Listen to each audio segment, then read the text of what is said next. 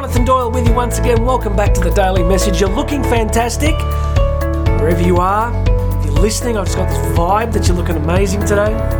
Hope you're doing okay, whatever's going on in your life. Some of us are cruising along, some of us things are going really well, some of us watching or listening to this, I'm sure things are pretty tough at the moment. So, wherever you're at in the journey, uh, hang in there. It is better to be a live dog than a dead lion, as I often say, quoting the uh, from the book of Proverbs. That uh, if you are alive, you are still in the game. Tomorrow can be better than today, and next week can be remarkably better than right now. So just hang in there if, it's, if you're going through a tough time. Don't know why I'm telling you this, but I just thought I'd say it early. Please make sure you have subscribed. Hit that big subscribe button, and there's also a link to my book, Bridging the Gap. I'm going to give you free access to the book, so just hit that link, uh, put your details in, and I'm going to send you a short chapter every couple of days for about a week, which will give you some of my key eight principles in um, how to bridge the gap between where you are you could be. I'm still working on it. I am still seriously working on it. I just find myself day by day just constantly having to recalibrate, recommit, refocus all the time. It's just this ongoing process. I do these videos for me. I swear. I'm glad you're here. It's lovely to have this time with you, but I swear I do them a lot of the time just to keep my head in the game and to keep reminding myself of these principles that really matter. Yesterday we talked in detail about a great quote from Seneca the Elder um, in 64 BC. You might want to go check that one. I went long yesterday. Apologies to uh, to you faithful listeners and viewers. I uh, just got a bit carried away today. We're gonna, I'm gonna, I'm gonna keep on this classics theme because I think the great men and women of history have so much to offer us.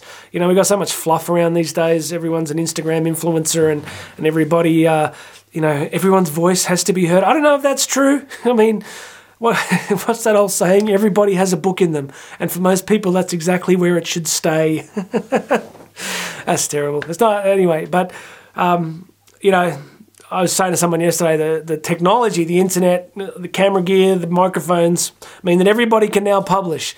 Does it mean everybody should publish? I don't know. You can be the judge of that while you're watching this. So hopefully, I'm bringing some value. Today, we're going to keep uh, on a great quote from the Roman poet Ovid, or of I think his full name was Publicius Ovidius Naso. Wow. Writing at the time of Caesar Augustus, one of the great, uh, I guess, the great uh, poets of that era, of the great lyrical poetry that, um, that encapsulated that time. You know, you look at some of the great poetry of that era, even going around further back to the time of Homer, writing, of course, things like the Iliad. I, I used to read the Iliad to my kids, and I remember being at school, I studied it really deeply, and I had this. Uh, if you don't remember, the Iliad is Homer's epic poem about the siege of Troy um, which is on the, the shores of ancient Asia Minor, which is modern day Turkey. So uh, go check out the movie. I think it's got Leonardo DiCaprio in it and Eric Bana. It's cheesy as, but if you've got the time, read the original. It's pretty extraordinary.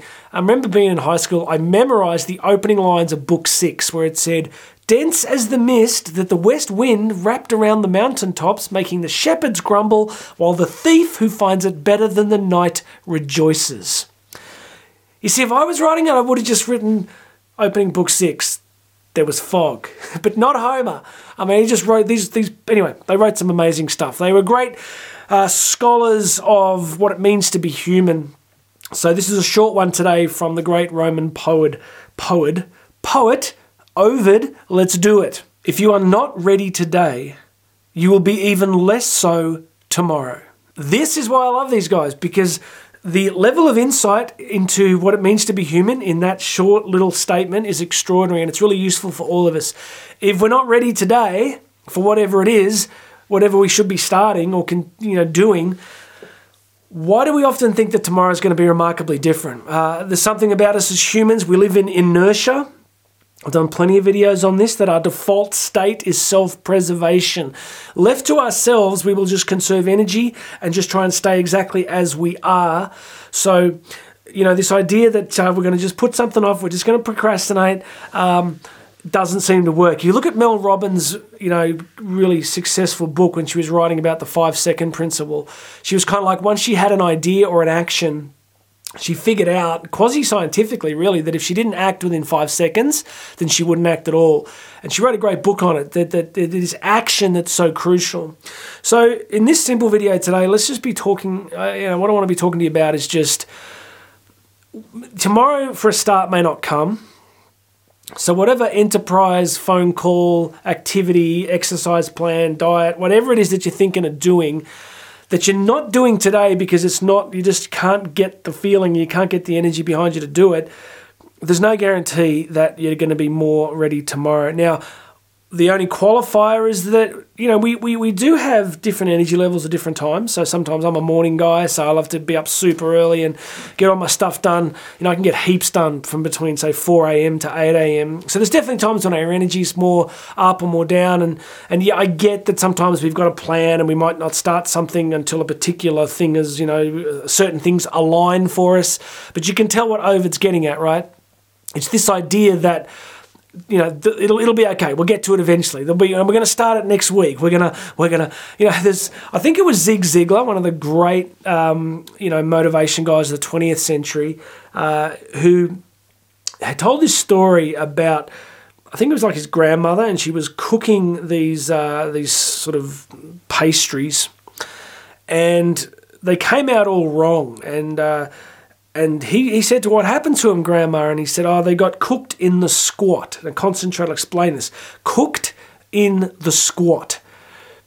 And he's like, what does that mean? He said, well, you know, these things, they kind of, they squatted down like they were in the, in the, in the baking pan. They they were made and they squatted down low and they were meant to rise, right? So they squat and then they rise. And then the grandma said, Unfortunately, they got cooked in the squat, so they went down and they, the heat was wrong or the mix was wrong, and so they never rose, right? So they just kind of got cooked in exactly that crouched squatting position. And he used it as a great example of what Ovid's talking about. Is some of us, you know, we get excited about change, we talk about change, we think about change, we, we write a few things about change, and we squat down ready to go, and then we never actually rise. We never actually, we get cooked in the squat, right? We don't actually rise and start on the thing that we should really be starting on. So hopefully, like a lot of these videos, what these are, what these are, what these are, is encouragements to you, reminders to you, little kind of prompts that there could be something that you need to be starting or doing that you're not starting or doing. So, you know, I can help you with that in terms of you check out the coaching links, but in general, it's just a sense that we just got to stop putting stuff off. That there are things that just have to happen and and pretty much what I can tell, action seems to sort of fix about 95% of problems. I was reading some really interesting stuff yesterday just about indecision and being trapped in not knowing exactly if what you're planning is the right thing. Sometimes you're just not going to know. So the, the best thing you can do most of the time is just to take action.